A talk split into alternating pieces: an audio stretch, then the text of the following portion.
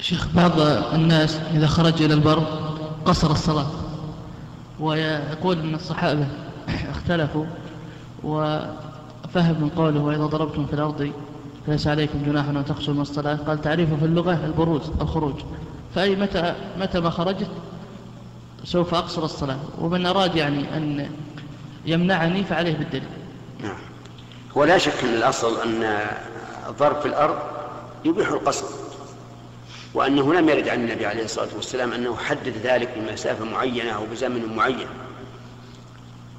لكن الرسول ثبت عنه أنه كان يخرج إلى قبى وهو خارج المدينة ومع ذلك لا يقصر.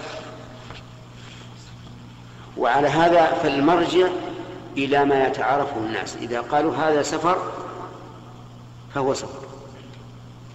فيفرق الآن بين المسافة القصيرة مع الزمن القصير والمسافة الطويلة مع الزمن القصير والزمن القصير مع المسافة القصيرة.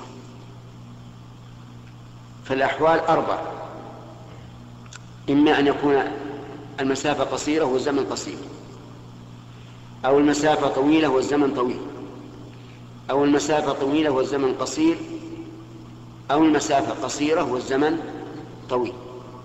إذا كانت المسافة قصيرة والزمن قصير فليس بسفر. لأنه يعني لو طال الإنسان يتمشى إلى ضواحي البلد ويريد أن يرجع في آخر النهار هذا غير مسافر.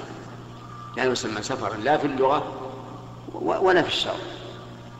ودليلنا على هذا أن الرسول كان يخرج إلى قبى وهو منفصل عن المدينة وفي عهد الرسول بينهما مسافة. ويخرج أيضا إلى العوالي في المدينة ولا ولا يترخص برخص السفر. أما لو خرج إلى مسافة قصيرة لكنه يريد أن يبقى فيه مدة طويلة فهذا مسافر. ولو سافر إلى بلد إلى بلد بعيد ويريد أن يرجع في يومه كأن يسافر إلى الرياض من القصيم وهو يريد أن يرجع. فهذا مسافر وذلك لطول المسافة. فإذا صارت طول مسافة أو طول زمن أو طول مسافة وزمن فهو مسافر. وإذا كان قصر المسافة مع آه، قصر الزمن فهذا ليس بمسافر